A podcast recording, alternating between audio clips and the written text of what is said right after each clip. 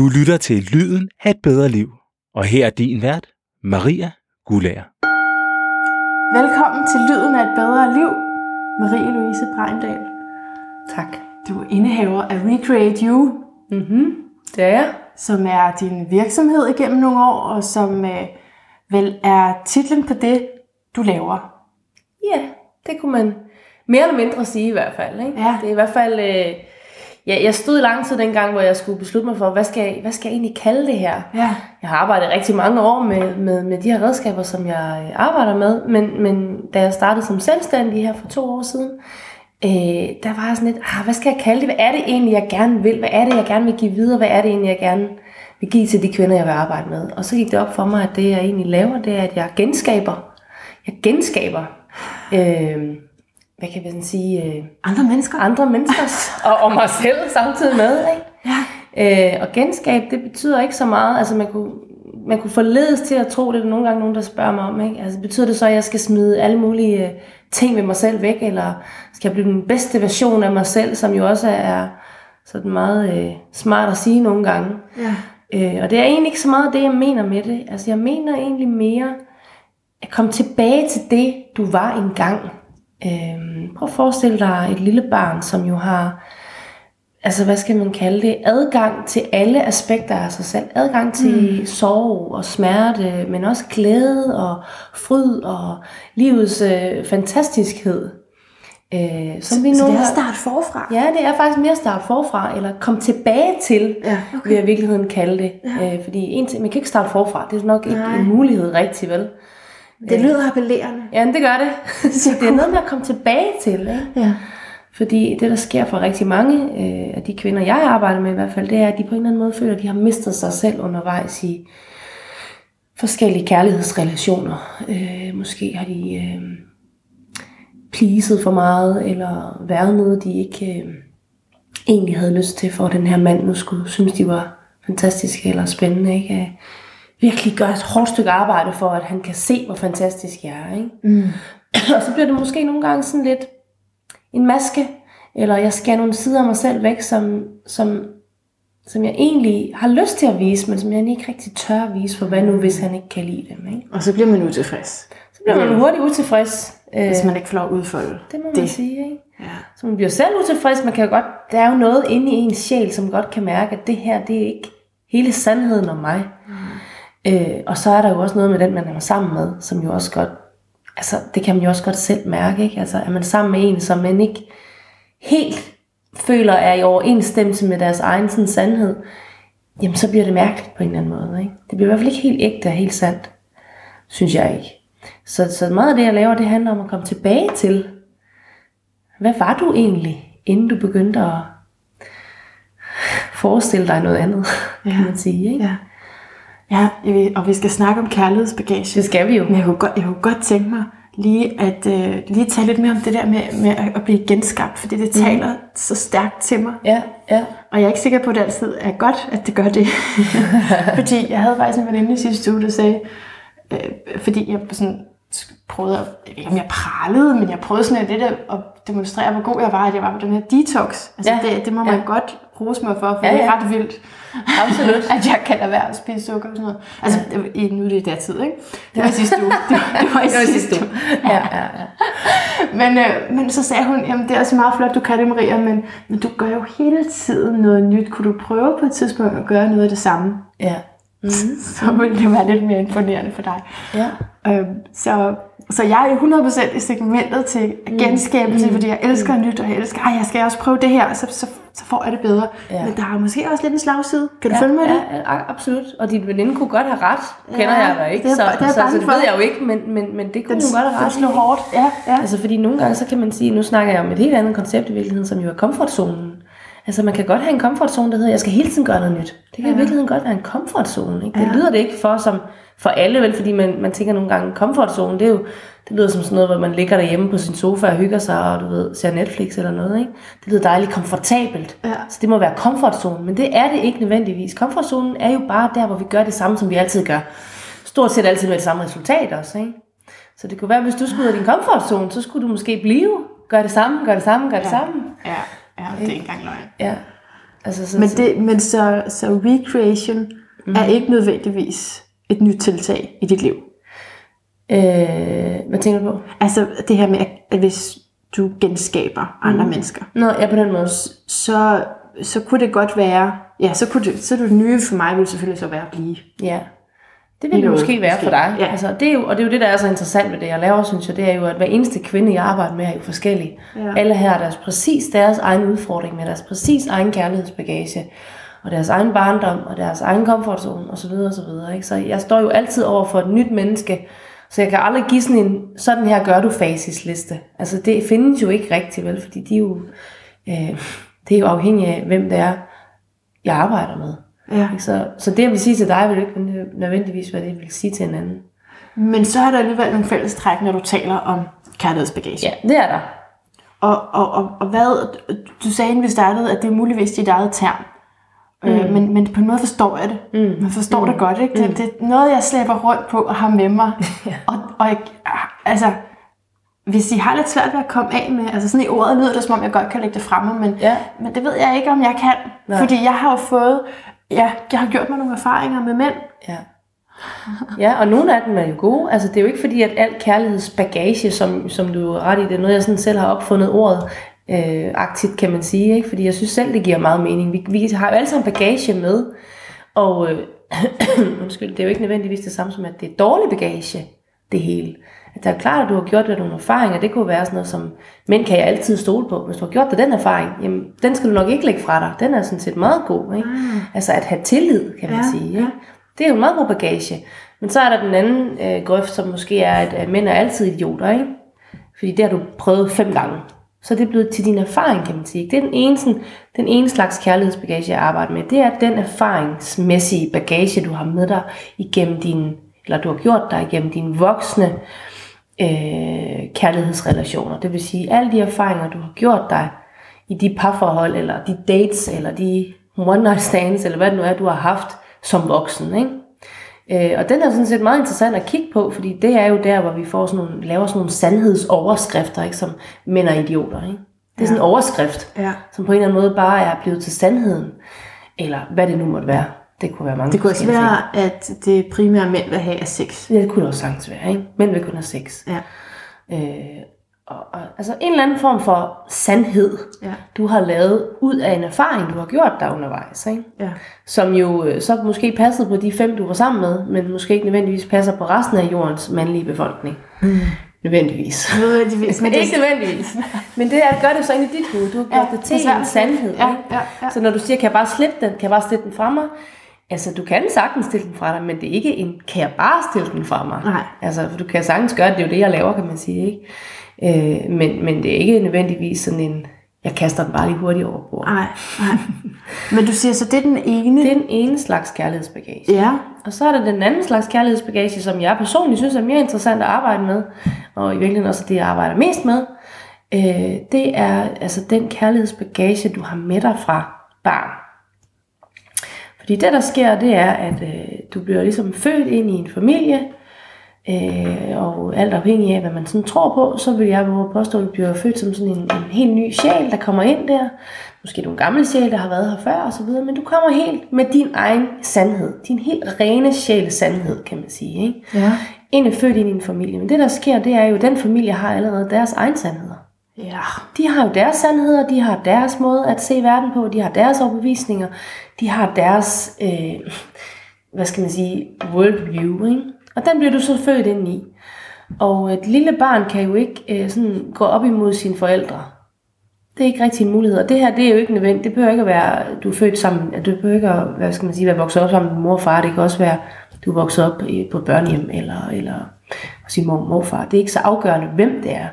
Uanset hvad, så er du i en eller anden form for setting. Ja. Ikke? Altså, selv hvis du var gadebarn, vil du også være i en setting, hvor der Ja. er en sandhed. Ja. Ikke? Altså, du kan ikke være ikke i en sandhed. Du er, du er i midt i en sandhed. Og den sandhed bliver du nødt til at tilpasse dig. Øh, fordi ellers så kan du jo ikke Overleve. overleve. Nej. Vel? Altså, du bliver simpelthen nødt til at tilpasse dig den sandhed, du er sat ind i. Også selvom der er noget inde i dig måske, som godt ved, det her det er egentlig ikke rigtigt for mig. Det er egentlig ikke sådan her, jeg har lyst til at leve mit liv. Men okay, altså, jeg kan ikke overleve alene, så jeg bliver nok nødt til at, ligesom at, at få det her. Men hvad så? Så kan man, så, så kan man først bryde ud, når man er 18?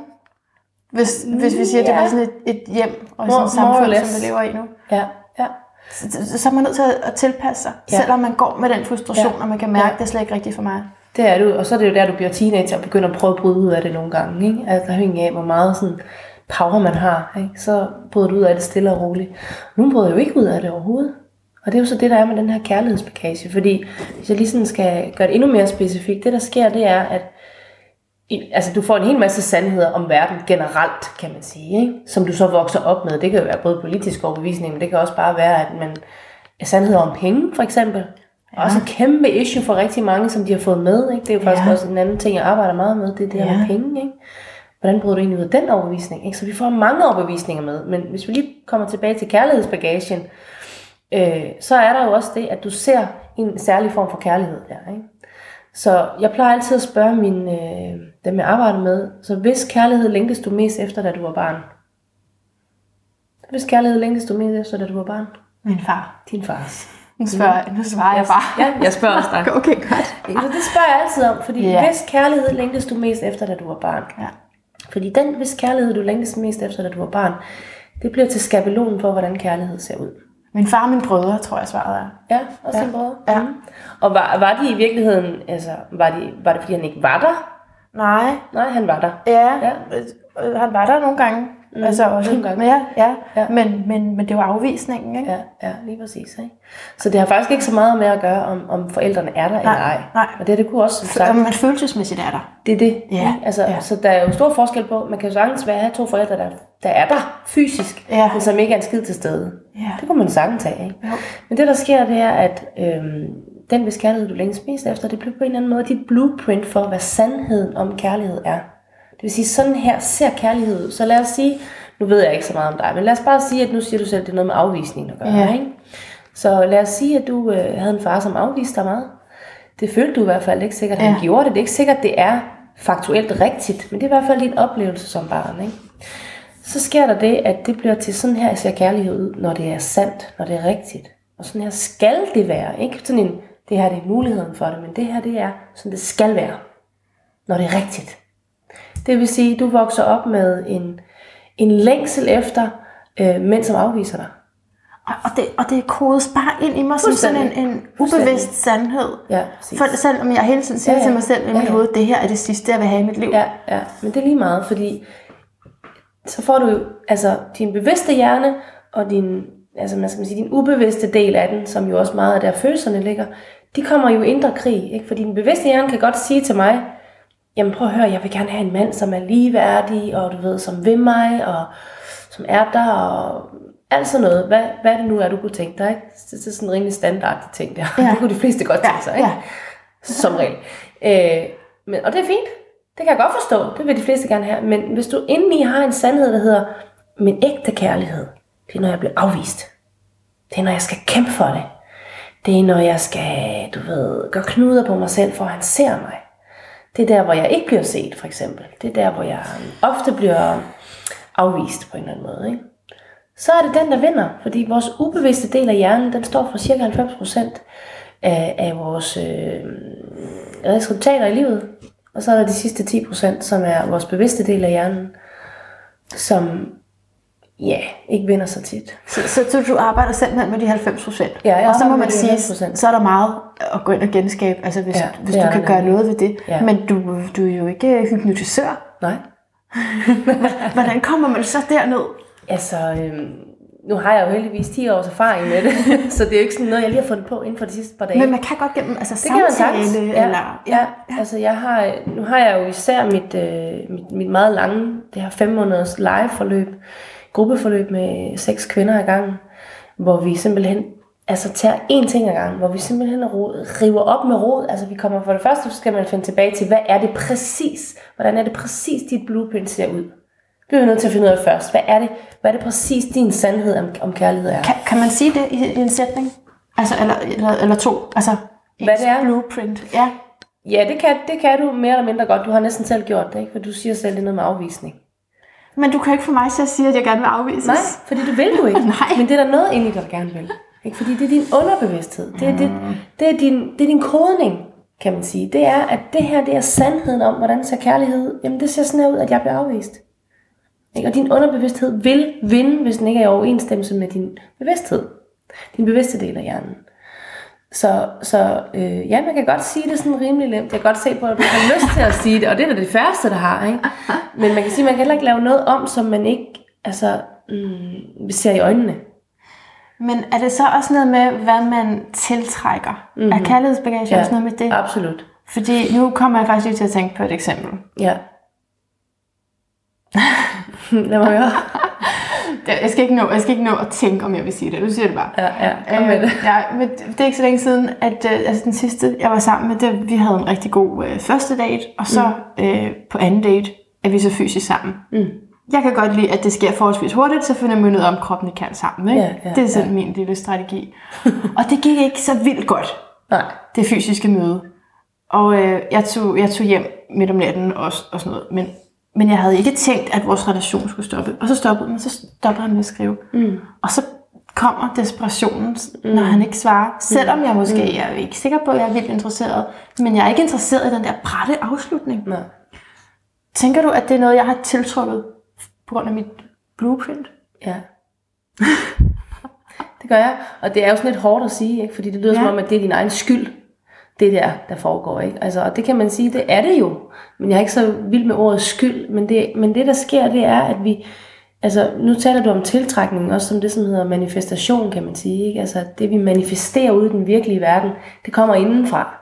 Ikke? Så det er sådan, at vi manifesterer ikke med vores fysisk, undskyld, vores bevidste tanker. Ikke? Så når du siger bevidst til mig, jeg vil gerne have en mand, som er nærværende, for eksempel, ikke? eller altid er til stede for mig, eller vil mig lige meget, som jeg vil ham.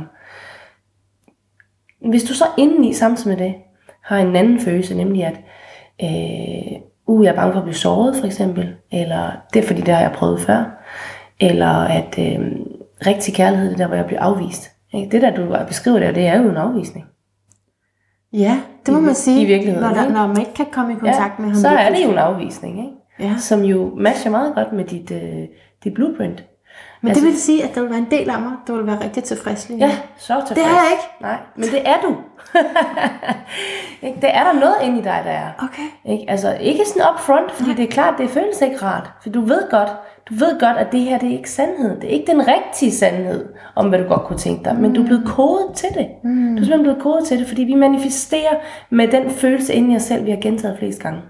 Vi manifesterer ikke med vores bevidste hjerne. Vi manifesterer med den følelse inden i os selv, vi har gentaget flest gange.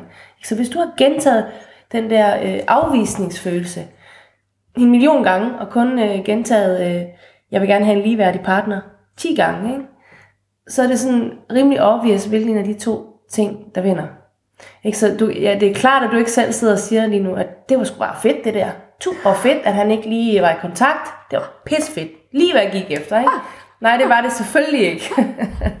ikke? Men der er noget inde i dig, som tænker, yes. Ikke?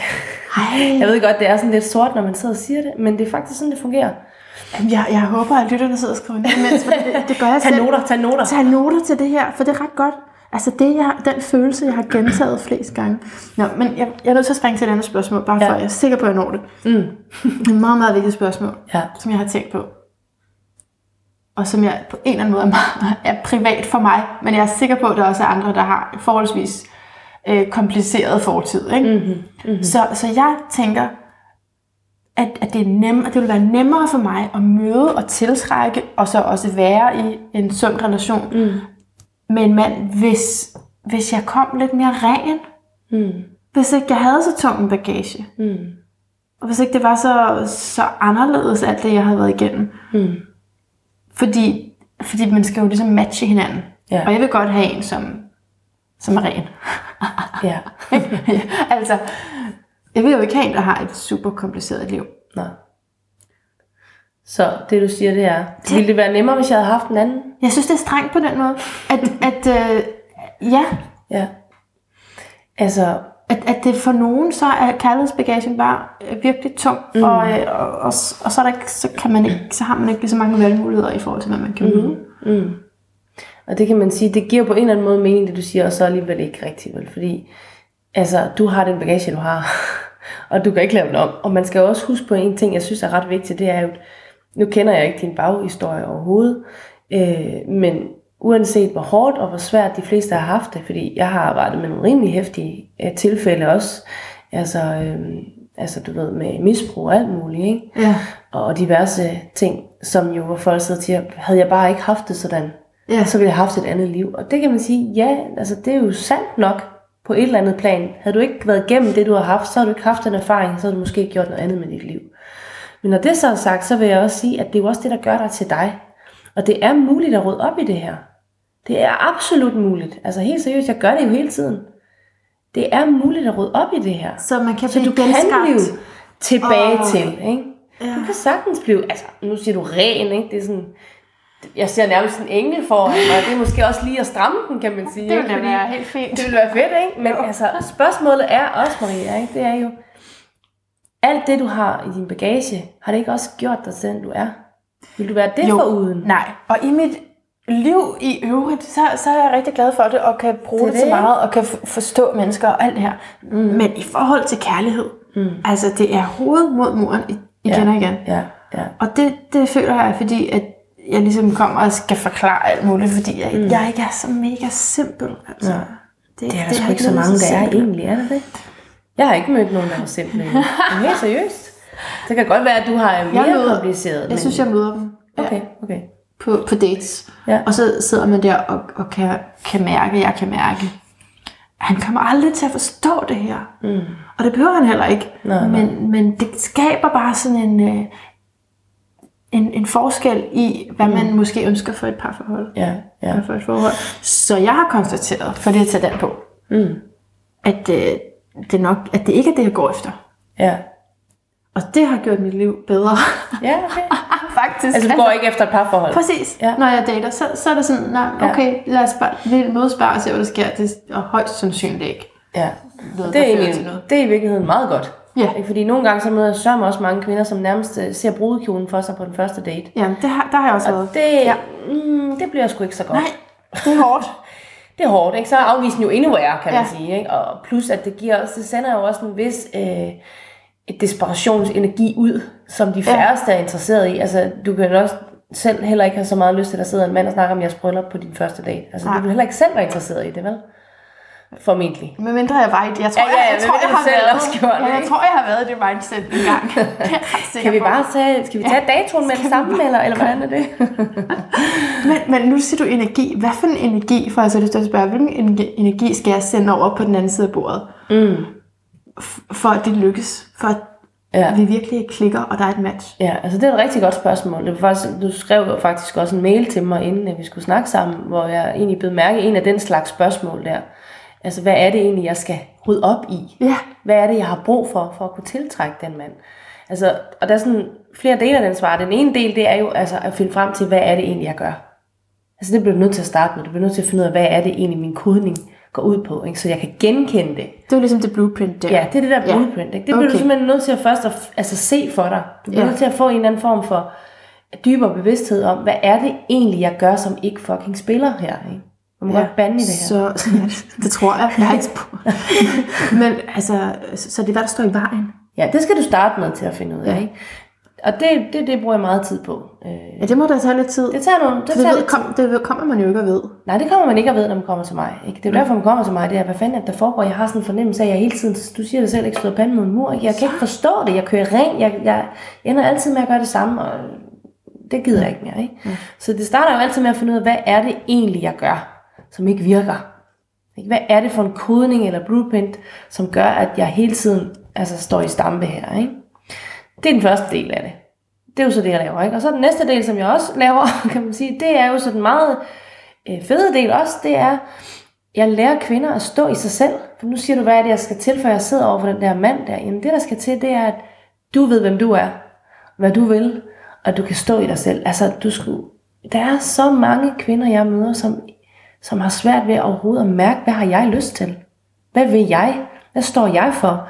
Øhm, altså også mærke mine følelser, men også i det hele taget sige dem højt. Altså stå i sig selv, stå ved, hvem jeg er, stå ved mine følelser, og sige dem højt. Ikke? Det er jo altid enormt nervepirrende at være den første, der er sårbar i en relation, for eksempel. Ikke? Men at turde stå ved, at jeg er forelsket dig, også selvom jeg ikke nødvendigvis ved, om du er forelsket i mig. Sig det højt, stå ved det. Altså være i sårbarheden og tilliden til, at det, der sker, det er det rigtige. Ikke? At livet vil mig det godt. Hvis jeg står med alt, hvad jeg er, ja. altså med alt, så tror du, at så løber de. Nej, men så er det ja, helt 100 procent. Ja. Det gør de. Fordi det har du en erfaring med, eller hvad? Ja. ja. Det er jo ikke det samme som, at det er sandheden om alle. Nej, nej, det er den sandhed det, der. Men det, det har du gjort dig en eller anden erfaring med. Og ja. det er jo klart, at ser man det 14 gange, ja, så er det svært at tro på, at den 15 ikke også gør det. Men det er jo ikke nødvendigvis rigtigt. Føler man sig ikke så også sådan lidt udtømt? altså, jo. Hvis man igen og igen ligesom det giver sig selv, og det bliver ikke rigtig positivt responderet på det. Altså, det er vel mm. ikke noget, du anbefaler på den måde? At... Altså, jeg siger selvfølgelig ikke, gå ud og krænge dit hjerte ud til idioter, Altså, til, til, til mænd, som du har en fornemmelse af, altså er fuldstændig fucked. Det behøver du nej, ikke, vel? Altså, du nej. behøver ikke at krænge dit hjerte ud på, din, til, på en one night stand, nej. hvis du bare egentlig bare er ude efter sex. Ikke? Så behøver du ikke nødvendigvis at gøre det, vel? Men jeg mener, når man møder en, som man altså, kan mærke, at der er en eller anden form for energi sammen med. Ikke? Altså, at man så ligesom i stedet for, altså der har været så meget, og kæft, der er mange kvinder, der kommer og siger til mig, jamen jeg har hørt, at man skal spille kostbar. Ja. Yeah. nu stopper du med at spille kostbar lige med sammen. Fordi det hjælper ingenting. Ej, det er jeg glad for, du siger. Det er hard to get og alt det pis der. For jeg har stadig ikke lært det at spille Nej, endnu. det må du heller ikke lære. Jeg plejer at aflære det. jeg aflærer det for rigtig mange, fordi det virker ikke. Men det andet virker heller ikke. Jo, det gør det. jo, det gør det faktisk. Hvis du finder en, som faktisk tager imod det. Ikke? Men det kræver så, at du lige finder ud af først, at, hvad skal man sige, og det er derfor, jeg siger, at første etape, det er jo at finde ud af, hvad er det for nogen, der tiltrækker og rydde op i det. Fordi det, der sker, det er, når du begynder at rydde op i hele det her blueprint, og finde ud af, hvad fanden er det egentlig, jeg har gang i her, ja, så kan du altså også genkende det, når du ser det. Og så, så fortsætter du ikke ind i det, vel? fordi det er, når du fortsætter ind i noget, som ikke er godt for dig, og du så krænger din sjæl ud, og han så afviser, ikke? så bliver det godt det ondt. Ikke? Men når du, når du stopper dig der, og du ikke behøver at gå fortsæt ind i det, fordi du godt har genkendt allerede, fuck, det er sgu da egentlig mit mønster, det der. Ja, ja. Jeg stopper lige her. Ikke? Ja. Jeg fortsætter ikke derhen. Ikke? Så kan du stoppe op, og så når du engang til der, hvor du kan, du ved, er totalt sårbar og, og, og, og kan krænge din sjæl ud og få en afvisning. Ikke? Og, så, og så, så du stopper inden det. Ja, det, det, det tror jeg godt også, jeg kan, kan genkende mig selv i, det du siger der. Ja. Og, og så er det så, der er sket det, at øh, jeg er gået over og blevet sådan altså, så er der lidt mere hård skal nu. Og ja, det ved det jeg ikke så godt. Jo. Nej, det stemmer ikke overens med min øvrige livsfilosofi. Nej. Men altså hård skal, det er jo sådan lidt en pendant til hard to get, vil jeg sige. Ikke? Altså, ja. så bliver det sådan lidt en... Ja. Altså, altså, det vil jeg umiddelbart sige, ikke? Fordi så bliver det sådan lidt... Jamen, det, jeg ved ikke, om det også er lidt at have givet op. Også. Ja, det kunne det, det godt det. være. Det kunne, så får man, bliver man jo til lidt hård, ikke? Ja. Resignation, det gør jo en lidt hård, ikke? Ja. Sådan en opgivelseshed. Altså, så jeg synes, det er øh, en god... Jeg, jeg kan godt lide at træne kvinder i at altså, mærke sig selv. Ja. Stå ved sig selv, ikke? Fordi når du bliver hård, jamen, jamen, så har du ikke den der... Alt andet lige, så er vi kvinder, vi har en anden energi end mænd. Ikke? Vi har den feminine energi, er en blød en. Den er meget blødere. Ikke? Det er jo ikke det samme som, at mænd ikke også har den. Og vi har jo også altså, den mandskablige energi. Ja, altså, ja. Men vores hovedessens energimæssigt, det er jo, den er blødere den er mere sårbar, den er mere, øh, altså min mand han plejer at sige, at han er sådan, han er sådan en klippe, ikke? og jeg er sådan et hav, som han sådan, eller han er sådan en båd, som så skal sejle på det, ikke? fordi jeg, jeg kan jo have alle mulige følelser inden for fem minutter, ikke? og så, han, så står han der bare. Ikke? Ja. Og det er den mandlige energi. Ikke? Ja. Øhm, og den har jeg jo også nogle gange, så har han den kvindelige, og så videre. Ikke? Så, så vi har jo den der, men det er super vigtigt, at vi som kvinder også tillader os selv at være bløde og sårbare. Fordi lige så snart du får hård skal, ikke, så får du også den der, jeg kan klare mig selv. Det er der også rigtig mange kvinder i vores generation, der har, ikke? Jeg kan klare mig selv. Afgjort. Ja. Helt vildt, ikke? Altså, fordi det er de vant til. De er vokset op med, at man skal kunne klare sig selv, ikke? Øh, og så videre, ikke? Og det, bliver, det kan bare også have sådan lidt en backfire-tendens, fordi ja, altså, jeg kan i princippet godt lappe min cykel selv, men jeg beder altså altid min mand om at gøre det. Ikke? Fordi jeg har lyst til også at ligesom være hende der, der ikke kan klare mig selv. Det er altså faktisk meget sundt. Det kan jeg godt lide at høre det der. Ja. Fordi jeg synes egentlig, at der er så mange mænd i dag, der søger en kvinde, der er meget selvstændig også. Ja, ja. Altså det er faktisk noget, de godt kan lide. Ja, det kan de godt lide, men, øh, men, men det er jo ikke det samme som, at de kun have det. Nej. Ikke? Fordi det bliver også enormt ensidigt. Ikke? Der er jo et stort problem i, at hvis kvinder går over i den maskuline energi, jamen altså, så er vi jo to mænd over for hinanden hele tiden. Ikke? Og det bliver et problem. Fordi så, altså det bliver sådan noget, du ved, Ja. Hårdt med hårdt. hårdt mod hårdt, meget hurtigt, ikke? Jo. Øh, og det er jo, altså, at, at være su- sårbar og have, have tillid og være sådan øh, overgivende som kvinde, er jo ikke det samme, som at du kan klare sig selv, ikke? Men nogle gange så har vi lavet en pangdang mellem de to, der hedder øh, sårbar og, øh, hvad skal man sige, sådan blød. Det er lige med svag, Ja. og jeg ikke kan klare mig selv. Men det er det jo ikke. Det er en misforståelse, at de to ting har noget som helst med hinanden at gøre. Altså jeg vil nærmest sige, at det er en styrke at kunne være sårbar og kunne være blød nogle gange. Ikke? At man åbner op for at afhænge lidt af den anden frem for af sig selv. Ikke? Mm. Altså sådan, hvis jeg er sårbar, jeg er forelsket, og Mm. så er, er det ikke kun mig, der har Nej. indflydelse på Nej. mig. Det er som om, det er sådan en ekstra planet, der styrer mig der. Det er rigtigt nok. Men det er jo så der, hvor jeg synes, det er interessant at træne kvinder i at stå i sig selv der, ikke? faktisk. Selvom der er en ekstra planet, mm. der prøver på at styre dig. Ikke? Altså, at du så stadigvæk står i dig. Det er jo fuldstændig umuligt ikke at være dybt forelsket, og så ikke være påvirket af den anden. Altså, og det tror jeg også, vi skal være. Altså, det er jo en del af den der sådan, tilknytningsfase, man får. Så det skal vi jo også være. Ikke? Men Vi skal være afhængige af hinanden, siger du det? altså, ja, det synes jeg faktisk. Ja, ja godt. Altså, jeg synes faktisk, der er noget med, Meget spændende. at, øh, at, at det der med, at uh, jeg er så selvstændig, uh, jeg kan klare det hele selv, det, jeg synes, det er en misforståelse faktisk. Fordi jeg kan se, hvad det gør ved parforhold. Øh, jeg kan se, hvad det gør ved kvinder og mænd. Ikke? At vi hele tiden skal være så, uh, jeg kan klare mig selv hele tiden. Ikke? Ja, jeg er faktisk også afhængig af min mand. Og han er sgu da også afhængig af mig. Det er jo ikke sådan en, det er jo ikke en ensidig ting, vel? Altså, jeg er afhængig af hans nogle gange sådan faststålhed, eller hvad sådan noget hedder, stålfasthed. Ja, ja. Ikke? Han kan ligesom tage handling på noget nogle gange, når jeg er sådan, jeg ved ikke, hvad jeg skal gøre. Jamen, Så kan han tage handling. Ikke? Og nogle gange, når han er alt for meget handlingsaktiv, jamen, så kan jeg være sådan lidt mere, skal vi prøve lige sådan at være lidt bløde sammen ikke? Så vi er jo afhængige af hinandens energier. Må jeg spørge, hvor meget, fordi det, det lyder som om din filosofi, den er også meget øh, altså praktisk, ikke? Mm-hmm. Du, og, du, og du coacher mennesker til det her, der er kvinder. Ja. Og, men er der, har du også en spirituel side, for nu, når du siger med, med manifestation, Mm. hvor kommer den spirituelle dimension ind Ja. i dit arbejde henne?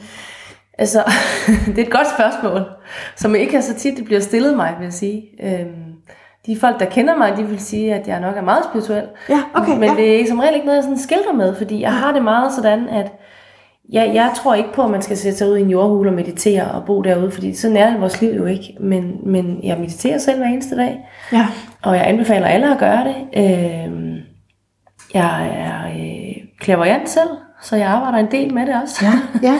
kan man sige, men ikke sådan, det er ikke noget, der står på min hjemmeside, du kan ikke læse dig frem til det nogen steder. Altså det er noget, der sådan øh, opstår i mine samtaler med folk. Øh, og så, så kommer det lige nogle gange ned, kan man sige, og sådan noget der. Ikke? Så jeg bruger det rigtig meget selv, og altså, jeg har, øh, du ved, jeg begyndte at interessere mig for reinkarnation, da jeg var 10 år, og begyndte at læse nogle Er bøger om det og sådan noget. Så jeg har altid, Okay, okay. Altid set det der for mig, så, så, så, Så- jeg synes, det hele hænger sammen. Men når du så taler om, om, om det blueprint, vi har, mm. taler du så også om noget fra tidligere liv? Ja, det kunne det jo godt være. Altså, det kunne jo godt gå hen og blive lidt for hippieagtigt for nogen, ikke? Men altså, ja, Det er det ikke for den her podcast. Det er det ikke for den her Nej, podcast. de har været udsat for alt. skide godt. Så vil jeg sige ja. Ikke? Der er både sådan den, den fuldstændig dette livs blueprint, som du får i det her liv. Du bliver født ind i den her familie, du har sådan og sådan og sådan, det du vokser op med, det er det, der sker, det er din far og så videre, ikke? Øh, Det kunne også have været din mor. Øh, og det kan man sige, det er det, ikke? Men der er, jo, øh, der er jo også hele det, hvad har du så med dig? Der er jo ret meget forskning faktisk. Jeg har lige læst noget øh, rimelig ny forskning, der, der, der, der hvad er det nu, det hedder? Øhm, hvor man siger, at hvor man har fundet ud af, at, at, øh, at de gener, vi har også, ikke? Altså, det kommer, altså, vi, har, vi, vi kører noget med fra vores gener også. Øh, altså, det som min mormor har været udsat for, det ligger ligesom i hendes celler, det får jeg også med, ikke? Det er jo ikke nødvendigvis... Øh, Så det er ikke bare, at vi det er jo ikke kun tidligere liv, det, men det, er jo så også... genetisk. Det kan også være noget, der er genetisk, ikke? Ja. Øhm, altså jeg kan se det for eksempel med min egen øh, familierække med, med kvinderne i min familie, som så stammer fra min mormor, og som, som min mor også havde, min moster også havde, og jeg også havde. Vi fik alle sammen underlivsproblemer i den samme alder, øh, kan man sige. Ja. Øh, på grund af noget, som nok er sket på min mormor, ikke? Ja. Og som, som hun ligesom har nedarvet. Okay. Øh, en eller anden form for traumatisk oplevelse, der er nedarvet, ikke? Mm-hmm. Og det synes jeg også er enormt spændende. Ja. Hvad, hvor kommer det fra? Ikke? Og så siger du tidligere liv. Ja, altså det synes jeg også er enormt spændende. Det er ikke noget, jeg er sådan super ekspertagtig i. Jeg, Nej, så jeg tror på det. Ja, ja. øh, og kunne fint finde på at i tale sætte det øh, sådan med, med nogle mennesker. Men, Ja. men det er ikke noget, jeg sådan... Det er ikke noget, jeg underviser i, eller det er ikke noget, jeg sådan bruger Nej, du, øh, du er meget upfront. her. Ja, jeg er egentlig meget her, Ja. øh, og det synes jeg egentlig er meget øh, fedt at være. Det er meget brugbart. Jamen, jeg kan egentlig godt lide at være til stede her, ikke? fordi nogle gange kan det sgu også, undskyld mig, være sådan lidt for... Det bliver lidt for flyvs nogle gange, spiritualitet, synes jeg. Jeg kan godt lide det er. Jeg arbejder enormt meget med manifestation øh, og energier og så videre, men, men det skal være noget, vi kan bruge i vores liv. Så fortæl mig, hvornår kan jeg bruge manifestation? Hvordan, hvordan gør jeg? Ja, det er også et fedt spørgsmål, du kommer med der, Maria. nu når jeg godt kan lide at være sådan lidt hands-on, ikke? Ja. Altså fordi der er jo sådan set en meget spe- specifik manifestationsproces. Ikke? Manifestation, det er jo, lyder som sådan noget fancy hippie noget, som nogen har sådan lidt øh, med, ikke? Nu laver jeg sådan et bragtegn. Ja. man bare sådan lidt, åh, jeg gider ikke den der manifestation, og det er noget pjat, ikke? Og det synes jeg egentlig også, det var en gang, øh, indtil det gik op for mig, at det er kvantefysik. Right. Altså, det er jo i virkeligheden kvantefysik. ja. Ikke? Altså, det er jo ikke noget, det er faktisk ikke hokus pokus. Hvis du læser og studerer kvantefysik, så er det jo i virkeligheden at manifestere. Ikke? Øh, Så der er en helt specifik sådan, øh, manifestationsproces, man kan lave helt bevidst. Og det er i virkeligheden at se for dig, hvad er det, du gerne vil have. Det kunne være penge, for eksempel. Det er sådan noget, de fleste godt kunne tænke sig lidt Ja, mere af. ja, ja, ja, Jeg ved ikke, om du lad os gøre det. Ja, os tage penge? Ja, Som, det kunne også være øh, den perfekte mand, eller hvad det nu er. Ikke? Altså, det er sådan- penge, det, det, det du er mere til penge, ja. godt. Så siger vi penge, ikke? Så ser du for dig det, du gerne vil have. Ja. Ikke? Og så giver du slip på det, fordi du kan ikke manifestere med din, øh, altså din bevidste tanke. Altså du kan ikke manifestere penge, fordi du ser penge for dig. Det kan du ikke. Så jeg skal give slip på det igen. Du skal virkelig give slip. Du skal først se, hvad det er, du gerne vil have. Ikke? Det Ja, bliver du nødt til. jeg har set. Du har set pengene. Ja. Så giver du slip på det. Og det næste, du så gør, det er, at du begynder at mærke efter, hvad er det for en følelse, penge giver mig? Mm. Så hvad er det så for en følelse? Kan tænke ting. det er jo en følelse af frihed. Det er frihed, ikke? Jo. Det er det for mange, det kunne også være tryghed, det kunne også mm. være noget andet. Ja. Ikke? Så vi har altid vores egen sådan, følelse ud fra særlige materielle ting. Det der er med det, det er, at vi mennesker, vi, vi længes aldrig efter en materiel ting. Vi længes ikke efter manden, pengene, bilen, jobbet, rejsen. Gør vi det, ikke? Nej, det gør vi ikke. Vi længes efter den, efter den følelse, ja. som den her ting giver os. Ikke? Ja. Altså hvis det nu er øh, den ligeværdige partner, du gerne vil have, ikke? så er det ikke ham, du gerne vil have. Det er følelsen af samhørighed måske, eller tryghed, mm. eller glæde. Ikke? Så det er altid følelser, vi længes efter. Det er aldrig en ting. Det er det, det, det, vi misforstår nogle gange. Jeg vil gerne visualisere mig til noget, men det kan du simpelthen ikke, fordi visualisere, det er noget, du ser for dig. Det er din bevidste hjerne. Så du bliver nødt til at komme laget dybere, dybere ned til følelsen, det skal give dig. Ikke? Mm. Så hvis det nu er penge, og din følelse omkring penge, det er frihed, det er det tilfældigvis også for mig. Øh, det kunne have været noget andet, men det er det også for mig. Ikke? Så skal du simpelthen, det jeg selv gør, det er, at jeg sætter mig ned, og så manifesterer, eller undskyld, så mediterer jeg simpelthen på den her ene følelse. Frihed.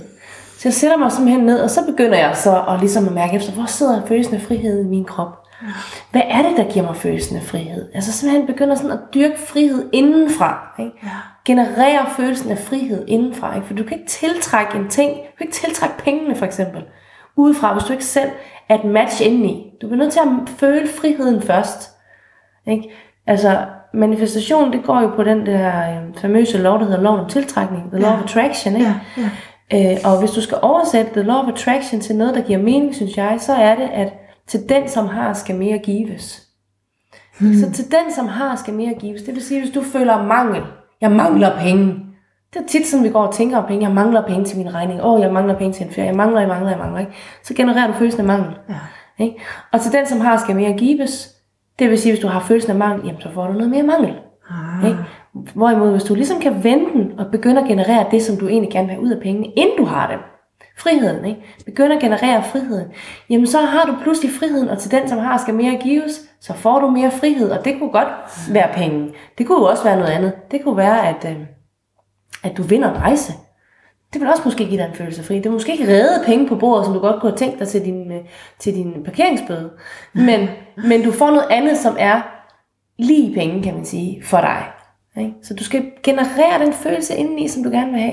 Det samme med en kæreste. Ikke? Så hvis du mangler en kæreste, og tænker lidt hvis du mangler en kæreste, jeg mangler kærlighed i mit liv, Ja. ja. jamen så får du det heller ikke, fordi du genererer mere af den mangel. Ikke? Vi tiltrækker med den følelse ind i os selv, vi har gentaget flest gange. Noget, jeg synes, der er svært med det, hvis Ja. vi skulle føre det over på kærlighedsrelationer, ja. så får jeg jo tit at vide, at du skal, du skal elske dig selv, og det er fantastisk. Ja, men, men, pisse svært. Ja, det, det er ongoing, ikke? Ja. Men, men hvis, altså, hvis jeg siger, at jeg gerne vil have en anden mands kærlighed, så er det fordi, jeg først selv skal give mig den Mm. kærlighed. Jeg skal give mig den følelse af, at han er ved siden af. Det synes jeg er svært. Ja. Altså, og så er der alle mulige tantriske teknikker. Ja. Men, men, Ja. men altså, at, at det gør det ikke ud for, at der er en mand ved siden Nå, af mig. det gør det ikke. Så hvordan kan jeg give mig selv følelsen af, at jeg har allerede den mand der? Ja. Altså lige præcis at have den mand, det er jo svært at give dig selv følelsen af, når han ikke er der. Ja, Det er også ja, svært at give sig selv præcis. følelsen af, at jeg har penge, når de ikke er der. Så det er jo ikke den fysiske ting, du skal give dig selv følelsen af. Det er, det er følelsen, du skal give dig selv følelsen af. Ikke? Ikke? Så hvad, hvad vil du sige ville være den følelse, du længes efter i, hvis du havde en mand? Eller det parforhold der. Hvad vil det være for en følelse? det er nærhed. Nærhed. ikke? Ja, det tror jeg. Så, så det du skal dyrke, det du skal give dig selv, fordi altså ja, elsk dig selv, oh my lord, siger jeg bare. altså hvis det var så nemt, og vi, som, Ja. når vi går og siger det, ikke, også, så vil alle jo bare have det fantastisk. Nej, det er, det, vi, det er det, vi træner. Ja, altså, det er det, vi hele træner tiden. hele tiden, ikke? Men, men oh my god, hvor er det svært, ikke? Ja. At elske sig selv. Og så er det jo også et meget sådan uspecifikt begreb, fordi det er jo enormt forskelligt fra person til person, hvad det egentlig betyder. Ikke? Er det så min krop, jeg skal elske, eller er det min, mit sind, jeg skal elske, eller er det min følelse, jeg skal elske, eller er det mit liv, jeg skal elske? Hvad er det egentlig, jeg skal elske? Ikke? Så jeg synes, det er enormt uspecifikt. Jeg bruger det meget sjældent selv, for jeg har det sådan lidt, elsk dig selv. Det er der fandme ikke nogen, der fatter, hvad det betyder. Okay. Synes jeg ikke. Ja, ja. Ikke? Så, så jeg, vil hellere, jeg vil hellere gøre det meget mere konkret, når du så siger nærhed. Ikke? Ja. Det er den følelse, du mangler, Ja. kan man sige. Du Ja. føler, at du mangler sammen med en mand, altså, Ja. som du gerne vil have en mand skulle bibringe til dit liv. Ikke? Så hvis du gerne vil tiltrække den mand, som matcher dig, jamen, så skal du dyrke nærhed med dig selv. Ja. Ja, det, man, det lyder sådan lidt øh, svært, ikke? for man tænker, at nærhed, det må vel involvere en anden. Nej, det betyder det ikke. Det behøver det jo ikke. Du kan sagtens være i nærvær med dig selv. Altså, og hvad det præcis betyder for dig, det skal du selv definere, ikke? Altså, det kan jeg jo ikke vide. Altså, det kunne være, at du følte nærhed med dig selv, når du gik en tur i skoven. Det kunne også Hvis- være, når du sad og drak et glas rødvin på din terrasse. Hvis man virkelig mestrede det, at Ja. give sig selv det, man nu mm. kunne tænke sig fra en mand, så behøver man jo ikke manden. Jo. Nå. Det er jo ikke det samme, som du ikke har lyst til at have manden. Altså, det kan man sige, så behøver du ham ikke. Nej, altså strengt taget nej. Mm. men, men altså, jeg ser jo i øvrigt heller ikke altså, parforhold som noget, der skal give os noget på den måde, som i, jeg mangler det, eller som jeg har brug for det, eller jeg behøver det. Hvordan ser du det så? Jeg ser det egentlig mere som sådan lidt en the cherry on the top-agtig. Ja. Ikke? Altså, jeg har et dejligt liv. Altså, og jeg kan sige det for mig selv, ikke? Altså, jeg elsker min mand meget højt, og øh, jeg har været sammen med ham i syv og et halvt år efterhånden, ikke? Og øh, vi har op- og nedture, det har vi altid. Øh, og nogle gange er det pis dejligt, og nogle gange er det pis hårdt, og nogle gange er jeg nyforelsket, og nogle gange synes jeg, er en idiot, ikke?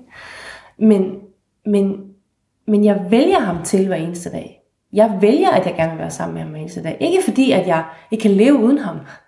Ikke fordi, at jeg vil gå til grunde uden. Ikke fordi, jeg ikke kunne klare mig uden ham. Men fordi, at jeg, han er ligesom min cherry on the top. Forstår du, hvad jeg mener? Ja, jeg forstår det godt. Og, og du har jo i øvrigt nogle glimrende nyhedsbreve, så jeg sidder faktisk og kommer til at tænke på, om, øh, fordi der, du fortæller du nemlig på et tidspunkt din kærlighedshistorie, Ja, om du kunne komme lidt ind på det. ja. Det var ikke spurgt dig om inden, så du var fri til at sige nej. Ja. Men, men, Ja, det men det er bare for, der, der, det viser vel altså den proces, som alt det, du arbejder med, handler om, hvor du, Mm, mm. altså først vi har fungeret det heller ikke for dig, Nej, det her. nej. Altså, hvis der er nogen, der har kærlighedsbagage, så er det også mig. Sådan. det har vi jo alle sammen. Ja. Altså, øh, altså mærkelige komfortzoner. Altså, lidt ligesom du Men også du, beskrev. men ikke? du gav slip på det. Og ja, det gjorde jeg jo på et tidspunkt, eller kan jeg slippe, og kan jeg slippe, jeg rydde op i det. Ja. Ikke? Fordi du kan ikke slippe på det, du har den, den erfaring med det, du har. Ikke? Men, og jeg synes, der er stor forskel på at give slip, som i, så er det væk. Altså fordi det forsvinder jo ikke. Men der, men der er en anden ting, det er at rydde op i det. Altså blive bevidst om det. Det er det, jeg i virkeligheden kalder at rydde op. Det er at blive bevidst om, hvad fanden er det egentlig, der foregår. Altså bringe det frem i lyset i virkeligheden. Det er det, jeg kalder at rydde op. Fordi altså, det er jo en misforståelse at tro, at det kan forsvinde. Mm. Altså du er jo den, du er. Du har det med dig, du har. Det kan vi ikke erase. Hvad var det, du var fanget i? Altså, jeg var fanget i... Uh, lad mig lige tænke mig en gang. Altså, jeg var fanget i altså, meget sådan noget med, at øh, ikke føle mig værdig. Ikke, ikke at føle mig øh, værdifuld. Det havde jeg så for min far, øh, fordi at, øh, han, jeg var skilsmissebarn, og du ved, jeg længtes efter hans kærlighed Ja. på forskellige måder, ikke? uden at komme ind i det sådan dybere. Men, men jeg følte mig tit værdiløs, eller forkert Ja. i virkeligheden. Ikke? Forkert og ja, forkert og ikke så værdig. Hvilket jo desværre er helt klassisk Ja, at føle. det er der jo ret mange, der Ja. gør. Ikke? Fordi ja. en, der skal ikke så mange afvisninger til som barn, før man begynder at føle sig forkert mm. eller værdiløs. Så den er der jo mange, der har på en eller anden måde. Ikke? Og så udspiller den sig så på forskellige måder, når man bliver voksen. Og for mig udspillede, udspillede den sig rigtig meget, sådan at jeg altid fandt mænd, som var altså lige kunne finde et eller andet at sætte en finger på. Ikke? Så var jeg ikke tynd nok, så var jeg ikke, øh, så var jeg ikke god nok i sengen, så var jeg ikke, øh, du ved, så havde jeg ikke det rigtige job, den forkerte uddannelse. Der var altid sådan et eller andet, der lige sådan, ja, men hvis du lige gjorde det der, så Ja. det være helt perfekt. Ikke? Så Ja. jeg var helt perfekt, lige med undtagelse af det der. Ikke? Ja. Det var den slags mænd, jeg havde rigtig mange af. Øh, og så brugte jeg jo enormt meget energi på altså, at, at lade, som om jeg var noget andet, så de også virkelig kunne se, hvor fantastisk jeg var. Ikke? Øh, og det brugte jeg mange år på. 9 år, tror jeg faktisk. Og det var det, du snak, startede med at snakke om, med at forstille sig, Ja, faktisk. rigtig meget. Ikke? Det er der, hvor... Altså, det man er jo ikke idiot. Det er der jo ikke nogen af os, der er. Man kan jo godt regne ud, at når ham der mand, han ikke ringer tilbage, så er det ikke, fordi han bare er dybt forelsket i dig, vel? Så er det fordi, at, at han egentlig ikke er så meget til dig, vel? Men alligevel, så laver vi den der, jamen skal jeg bare lige komme over? Jeg kan bare komme over i nat, du ved. Bare lige lidt, ikke? Jeg kan bare lige komme forbi, ikke? Ja, når du ringer, fordi du er fuld, jamen kom endelig forbi, ikke? Bad idea, ikke? Der er Ja, hvad end jeg kan få. Ja, jeg tager nemlig, hvad end jeg kan få. Ikke? Der var faktisk en, en, en skøn kvinde, jeg havde forløbet en gang, som sagde, ja, men jeg ved godt, at jeg kun, du ved, får øh, hans arm. Altså, jeg kun får kun 5%, men jeg vil hellere have de 5%, end jeg vil være alene. Ikke? Og det er der sikkert Åh, rigtig mange, der kan ikke genkende til, og det, kunne- det kunne jeg også dengang. Ikke? Ja. Øh, og så på et tidspunkt, så øh, uddannede jeg mig til, jeg var først uddannet mastercoach, som jeg brugte en del år på, og så derefter så uddannede jeg mig til familiecoach, og igennem det der familiecoaching, der skulle vi rydde op i vores barndom.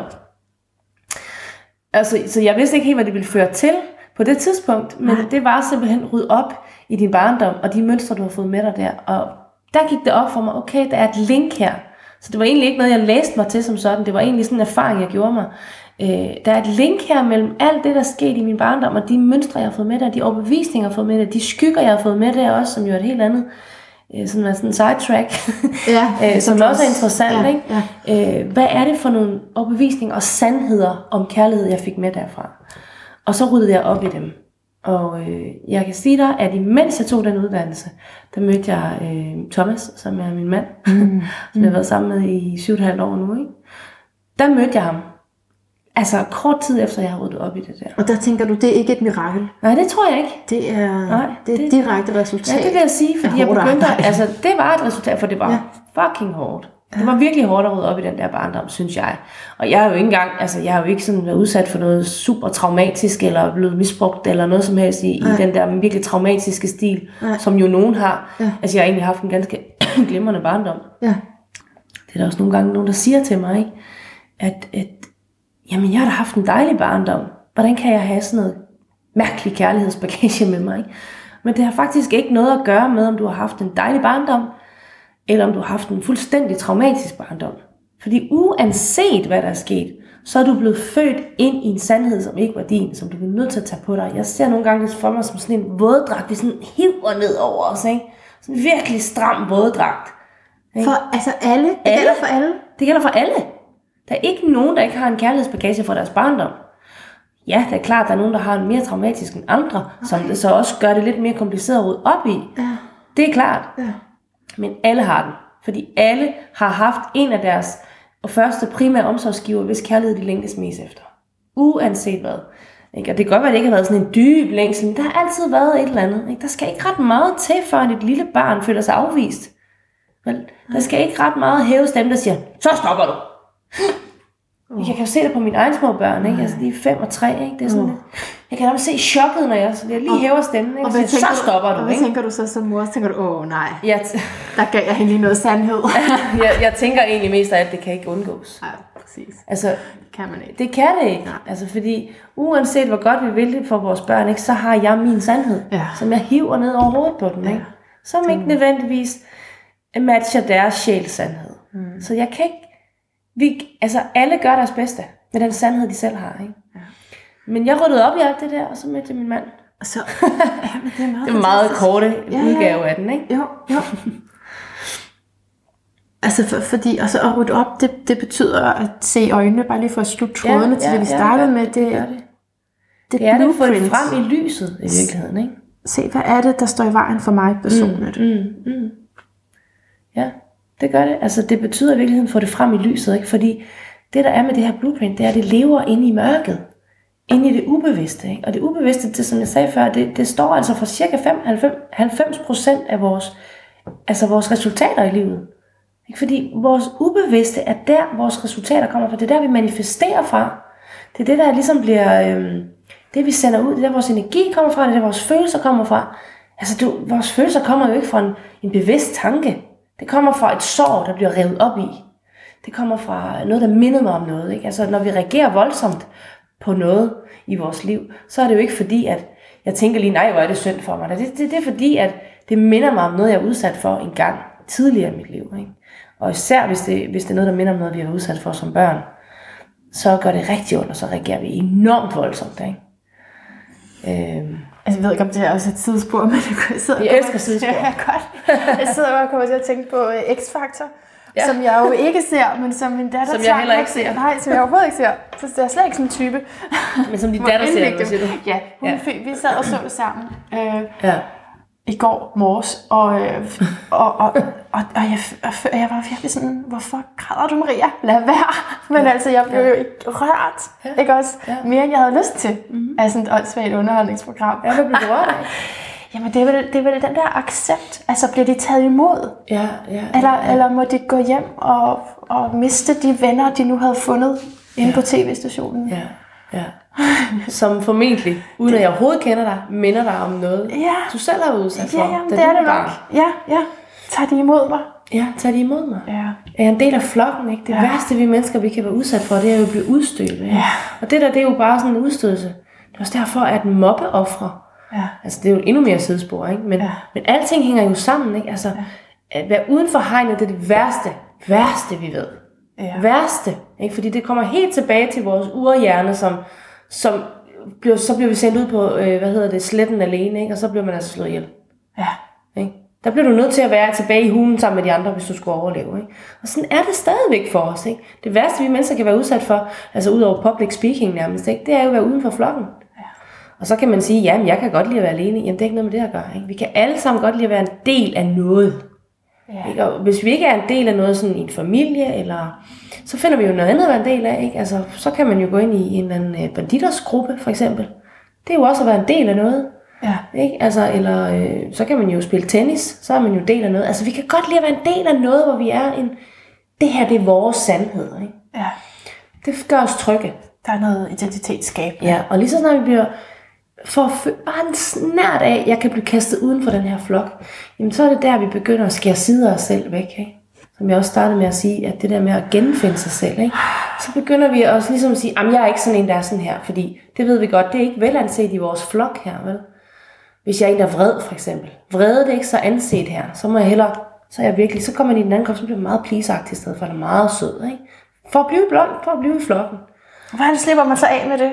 Nu er jeg jo til, tilfældigvis, øh, hvad, du lige sagde før, en mobbeoffer, selvom det er et specielt ord. Men Ja, det er noget, ja, jeg genkender ja. meget dybt. Ja.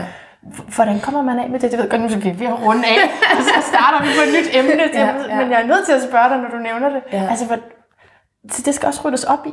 Ja, det vil jeg sige. Altså, jeg ved ikke specifikt noget om mobning, mobning på Nej, den måde. men i forhold til, at vi vil gerne Ja. høre til ved, flok, Ja. ved flokken, ikke? Men jeg Og vil sige, det er også med, noget med at rydde op i, hvad har det gjort ved dig? Ja. Altså simpelthen tage de specifikke situationer. Altså ja. nu kan man sige, nu arbejder jeg med kærlighed, men det som jeg altid siger til de kvinder, der kommer til mig, det er, at hvis vi kommer til at snakke om noget andet, jamen så har det lige så stor effekt. Ikke? Fordi ja.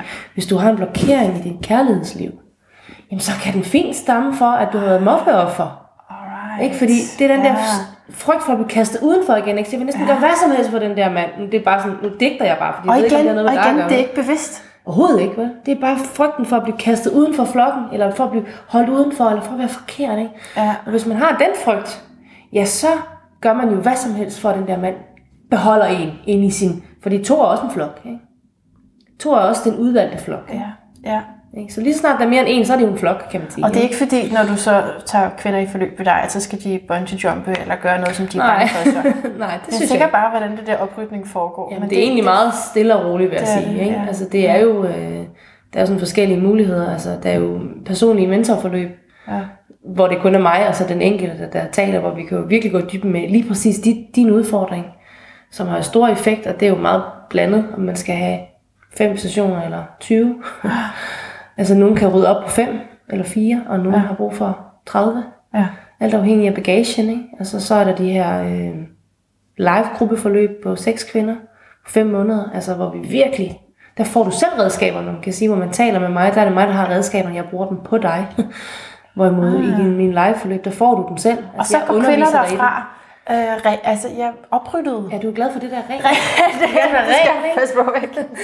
Men Det er ja, også meget interessant. Jeg kan Ja. godt, jeg er sådan lidt en, en ordnørd, ikke? Jeg synes, det er Ja. interessant at dykke ned i, hvad folk, når de siger ord, ikke? Hvad er det det egentlig? Ja, og det er nok en rent, følelse det er, ikke? af at være øh, grumset til. Ja, så du vil gerne være ren igen, ikke? Ja, så du har nok og- haft og nogle oplevelser, nogle oplevelser, hvor du føler dig gjort beskidt på en Ja, eller anden måde, ikke? ja. Altså om det så har været fysisk eller psykisk, det er jo lige meget, ikke? Men, men har man den følelse, så vil man jo gerne være ren igen, ikke? Ja. Tilbage til baby-stadiet. Ja. Ja. Renhedsstadiet, ikke? Jamen, hvordan foregår det? Var det, du spurgte om? Jeg kan ikke engang huske. Nå, du sagde, så går de derfra helt rene. Det var det. Øh, altså, Opryddet de går i hvert fald derfra, og det er jo meget blandet. ikke? Altså, nogle kommer der med en mindre bagage, nogle kommer med en lidt tungere. Og så de går der jo også derfra i forskellige stadier. Ikke? Ja. Altså, jeg siger ikke, at, at mit, mit forløb, så er, så er dit, dit liv ligesom, hvad skal man sige, øh, fantastisk forever. Det jeg siger, og det jeg mener, og det jeg står for, det er, at der er så meget oprydning i de fem måneder, eller i min mentorforløb, personlige mentorforløb, at du ikke kan undgå at have ændret dit liv bagefter. Wow, den er jo også... Altså, det er jo godt det er nok. ikke det samme som, at så er du færdig ændret. Nej, nej, nej, nej. altså fordi, du ved, nogen får opryddet sådan et stykke her, det viser jeg en lille smule med mine fingre, Ja. og nogen får opryddet så meget her, som et kæmpe stykke med mine hænder. Nu viser hun kæmpe... Det er et kæmpe stykke, ikke? Det er lidt ærgerligt, man ikke kan se det. Men du ved, nogen får opryddet 5 cm, og nogen får Ja. opryddet 40 cm. Ja, ja, så der er muligheden for at blive totalt genskabt. Ja, altså det er der. Og jeg vil, ikke, jeg, jeg vil våge at påstå, hvis jeg skal klappe mig selv lidt på skulderen, at jeg har skabt et forløb, som er så intensivt og så gennemført med alle de redskaber, jeg har. Og alle de erfaringer og altså, spirituelle ting. Altså, fordi jeg tror jo på, at alting hænger sammen. Ikke? Så der er jo også skal man sige, fysisk arbejde med det, og hvad hedder det, kostudrensning og det hele. Ikke? Så det hele bliver Oh, ligesom gjort op. Ikke? og det er ikke en detox, vel? Det er ikke en detox. Jeg kan ikke mere nu. det er det ikke. Det er mere sådan en hormonel oprydning, faktisk. Men Louise, jeg skal spørge dig, om øh, din lyd er et bedre liv, hvis du, øh, hvis du har sådan en. Jamen, jeg kunne godt sige en lyd, men øh, og det vil være sådan Ja. lidt ala... Ja, og jeg har bedt dig ikke tage den. Og du har sagt, den- det siger alle. Ja, så mange. please lad være. Ja, og, men det ville det være, hvis jeg skulle Ja. gøre det. Ja. Ikke? Fordi det er den der, Ja, når det ikke er så anspændt. Men, men, ja den er også god. men, men jeg har i virkeligheden et, et sådan mere øh, citatagtigt, som for mig er det gode liv, øh, som, jeg, som jeg kan sige. You're not here to face reality. You are here to create reality. Right. Og det vil jeg sige, det er for mig øh, det gode liv. Det er, når jeg selv også husker, fordi det er jo ikke sådan, at jeg er en helgen og aldrig falder i alle mulige mærkelige mønstre. Men når jeg selv husker, at jeg skal ikke bare suck it up og face it, men at øh, jeg selv skaber det. Jeg skal fucking skabe det. Jeg skaber det, og det, som jeg ser i mit liv lige nu, det har jeg skabt. Så hvis jeg vil have en forandring i det, så må jeg forandre noget ind i mig selv. Øj. Ja. Jamen, øh, Og det er en god nok lyd. det, er, det er så god en lyd. Det er så god en lyd, at der bare er, man er bare nødt til at gå ud og gøre noget, ikke? når man har hørt den Ja, lyd. lige præcis. Og så jeg, jeg havde sidder tilbage med sådan en følelse af, at vi kunne snakke i mange timer. Ja. fordi jeg føler sådan, at der er mange spor, vi var ude af. Som Var det her tænke mig starten, eller var det slutningen? Det er lige det. Det er lige det, ikke? Altså, det er sådan, jeg har mange spor, jeg kunne tænke mig at forfølge i det her snak, men øh, jeg tænker, at vi kommer sådan nogenlunde rundt om diverse, Præcis. som, kunne, som jo alle spor kunne have været en lang samtale i sig selv Ja. på timer. Jeg siger tusind tak. fordi Ja. du øh, Og gad at tak. indføre mig i alle de ting. Ja, og det har været en fornøjelse, og øh, tak fordi du vil have mig. Altid. Tak. Dejligt. Så godt. Og tak til dig, fordi du lyttede med, og fordi du hænger på endnu. Det går jo tæt på i de her episoder, og, og vi, skal, vi skal tale endnu mere om sex næste gang, så det kommer du ikke til at slippe for, hvis du følger med. Vi skal snakke om joni og seksualitet, og ja, jeg ved ikke hvad mere, men, men det er også det er nogle centrale emner, hvor der er rigtig meget at tale om, så i dag har vi prøvet at tune ind på, ja, altså det Marie-Louise Breindal kan, det her med at øh, ja, genskabe, genstarte, får jeg lyst til at sige, ikke lige genstart mig lige, tryk, tryk lige play, og så gør vi det hele igen, rewind og play. Og øhm, jeg kan heller ikke lade være med at tænke på, hvordan det hænger sammen med de normer, vi har hørt om i de foregående programmer, øh, fordi vi har talt om etik og, og de værdier, som, som ligger under forskellige systemer, og som findes i den her verden, og, og hvad vi kan gøre ved det, og hvordan vi kan begå os, og hvordan vi kan blive klar over vores eget ansvar i det, og vores egen etik. Det er egentlig, altså når, når Marie-Louise taler om sandheder, så, så kommer jeg til at tænke på, på normer. Nogle gange så er der bare forskellige ordbrug, og også alt efter, hvad man lige skal bruge det til. Det er jo meget vildt at tænke på, at ens sandhed ikke er ens egen. Ikke? Så det er jo det er jo et kæmpe ord. Okay.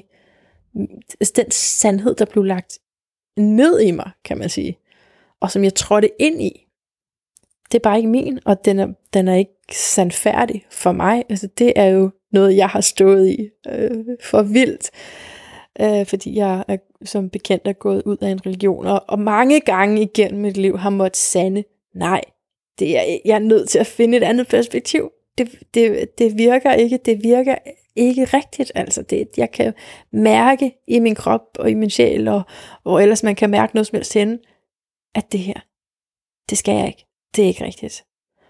Og så må man gå til perspektiverne og, og se, kan jeg se det?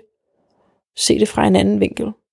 Og, og, og til dig, der har hørt, øh, nu vi taler om, om kærlighed og kærlighedsbagage, til dig, der har hørt episoden om Soulmates med Katrina Pitsner i episode 61. Og hvis du ikke har, så endelig lyt til den. Øh, for det vil måske, måske vil hele den her episode give mere mening, hvis du lytter til Katrina Pitsner også. Øh, Til dig, så, så vil jeg sige, altså, så det, måske hænger det sammen. Måske er der slet ikke nogen modsigelse imellem de to perspektiver. Det kunne være meget interessant at, at teste. Men som jeg lige umiddelbart ser det, så, så er det ene en forklaring på, måske, hvorfor vi møder hinanden, ikke? Og, og det her vilde og, og ja, sådan den spirituelle dimensioner og lære, og hvor Marie-Louise taler om, om den mentoring, der gør, og som hun så udbyder, ikke? Som, som gør, at vi har en chance for at ændre kurs. Så vi måske kunne begynde at, at ændre på de her sjælskontrakter. Ej, jeg ved det ikke, jeg ved det slet ikke. Måske nu freestyler jeg helt vildt her. Det er bare lige min måde i mit hoved at samle trådene på. Det er bare perspektiver, dem skal vi ikke være bange for. Vi skal have så mange som overhovedet muligt, så der er noget at vælge imellem, så der er noget til øh, alle de forskellige situationer, vi befinder os i. Husk altid, at der formentlig er en anden vinkel, end du gør et eller andet drastisk i dit liv. Det er i hvert fald det, jeg selv gør. Så jeg skal lige tjekke. Okay, det kan være detox, men der kunne også, der kunne også være en helt anden øh, tilgang til det her. Lad mig høre fra dig, hvad du synes på facebook.com The Sound of a Better Life. For jeg har jo ikke svarene, jeg stiller bare spørgsmålene. Så jeg bliver så glad for at høre, øh, hvad, hvad du har fået ud af de her interviews, og hvad du hører og oplever, at, at folk siger, og hvordan de, de siger det ind i dit liv. Jeg modtager jo min løn i likes og kommentarer på Facebook-væggen, skal du vide. det er også på den væg, hvor der er de her små reklamefilm for hver enkelt episode. Så jeg værdsætter virkelig din reaktion derinde, og det kan naturligvis også finde links til øh, Marie-Louise Breindal derinde. Hun har forskellige øh, også gratis ting, du kan gå ind på. Og så se endelig nærmere på facebook.com-the sound of a better life. Indtil vi høres ved igen. Genskab gnisten.